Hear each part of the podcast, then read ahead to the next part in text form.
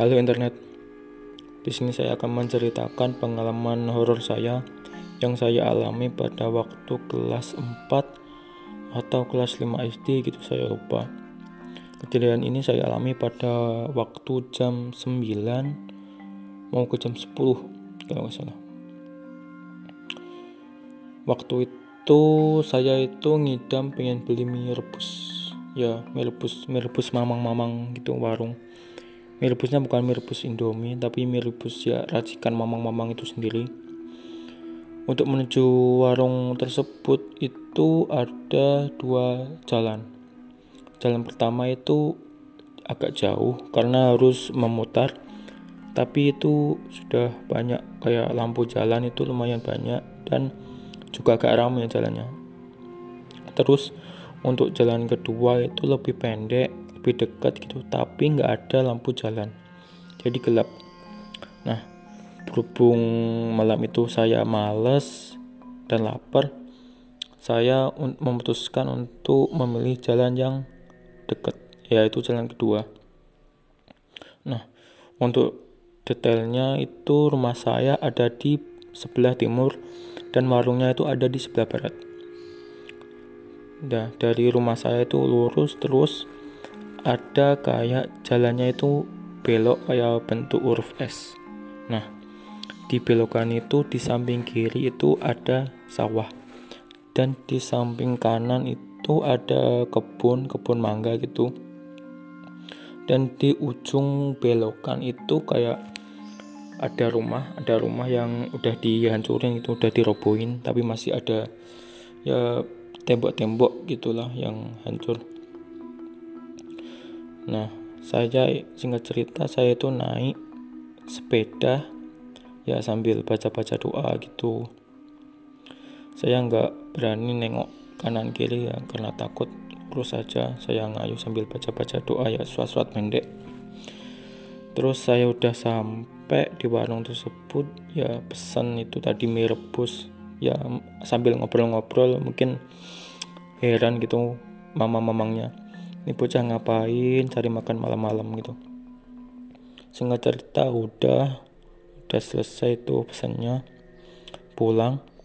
Nah pada waktu saya di samping itu apa rumah yang udah hancur itu dari kejauhan saya melihat putih-putih di atas kebun mangga di atas pohon mangga Nah, waktu saya lihat lebih teliti, ternyata itu adalah pocong. Saya melihatnya itu cuma kaki sampai ke uh, pinggang atau dada gitu. Pokoknya itu saya nggak melihat wajahnya. Itu putih kayak ya kain itu terus lusuh kayak kotor gitu kayak kayak terkena lumpur. Nah, anehnya kan kalau orang-orang lain kan kalau melihat sesuatu yang mereka takutin itu kan berhenti terus putar balik. Nah, anehnya saya tuh nggak putar balik, malah lurus terus ya aneh emang saya nggak tahu apa yang di pikiran saya waktu itu. Saya terus mengayuh beda saya sambil nunduk sambil baca-baca. Nah, sialnya pocongnya itu nggak berdiri di pohon mangga yang ada di tengah-tengah gitu enggak. Tapi dia itu berdiri di pohon mangga yang persis di samping jalan. Jadi waktu waktu saya ngayuh beda itu saya berada tepat di bawah si pocong itu si Mr. P itu. Terus singkat cerita saya udah sampai rumah saya naruh bedanya udah sembarangan lari masuk rumah sambil nangis ibu bapak saya kan ya panik tuh ini bocah kenapa pulang-pulang kok nangis terus ibu saya tanya Duh, weh kenapa? Kamu kenapa? Saya terus ceritain yang saya lihat itu. Terus ibu saya coba nenangin. Wes wes, iku kresek, iku iku plastik. Hmm. Wes wes, udah udah, itu plastik itu katanya kata ibu saya plastik. Saya makin nangis dong. Terus enggak enggak bu itu pocong itu pocong. Terus ya wes ya wes udah udah enggak apa-apa gitu kata ibu saya. Wes iku minyak dimakan dulu gitu. Ya sama makan dong minyak. Terus kesukaan harinya itu ya lumayan lah lumayan heboh di dekat-dekat rumah saya itu. Ya mungkin ya mungkin karena mama gitu kan ya cerita gitu ke mama yang lain. Waktu saya main itu main keluar gitu juga banyak yang cerita gitu mak-mak kayak orang-orang itulah cerita. Kalau mereka itu ya juga mengalami hal yang saya alami gitu. Sering apa itu mencium bau yang wangi bau kayak kembang melati gitu. Terus juga ada beberapa yang sering lihat ya kayak penampakan di kebun mangga itu.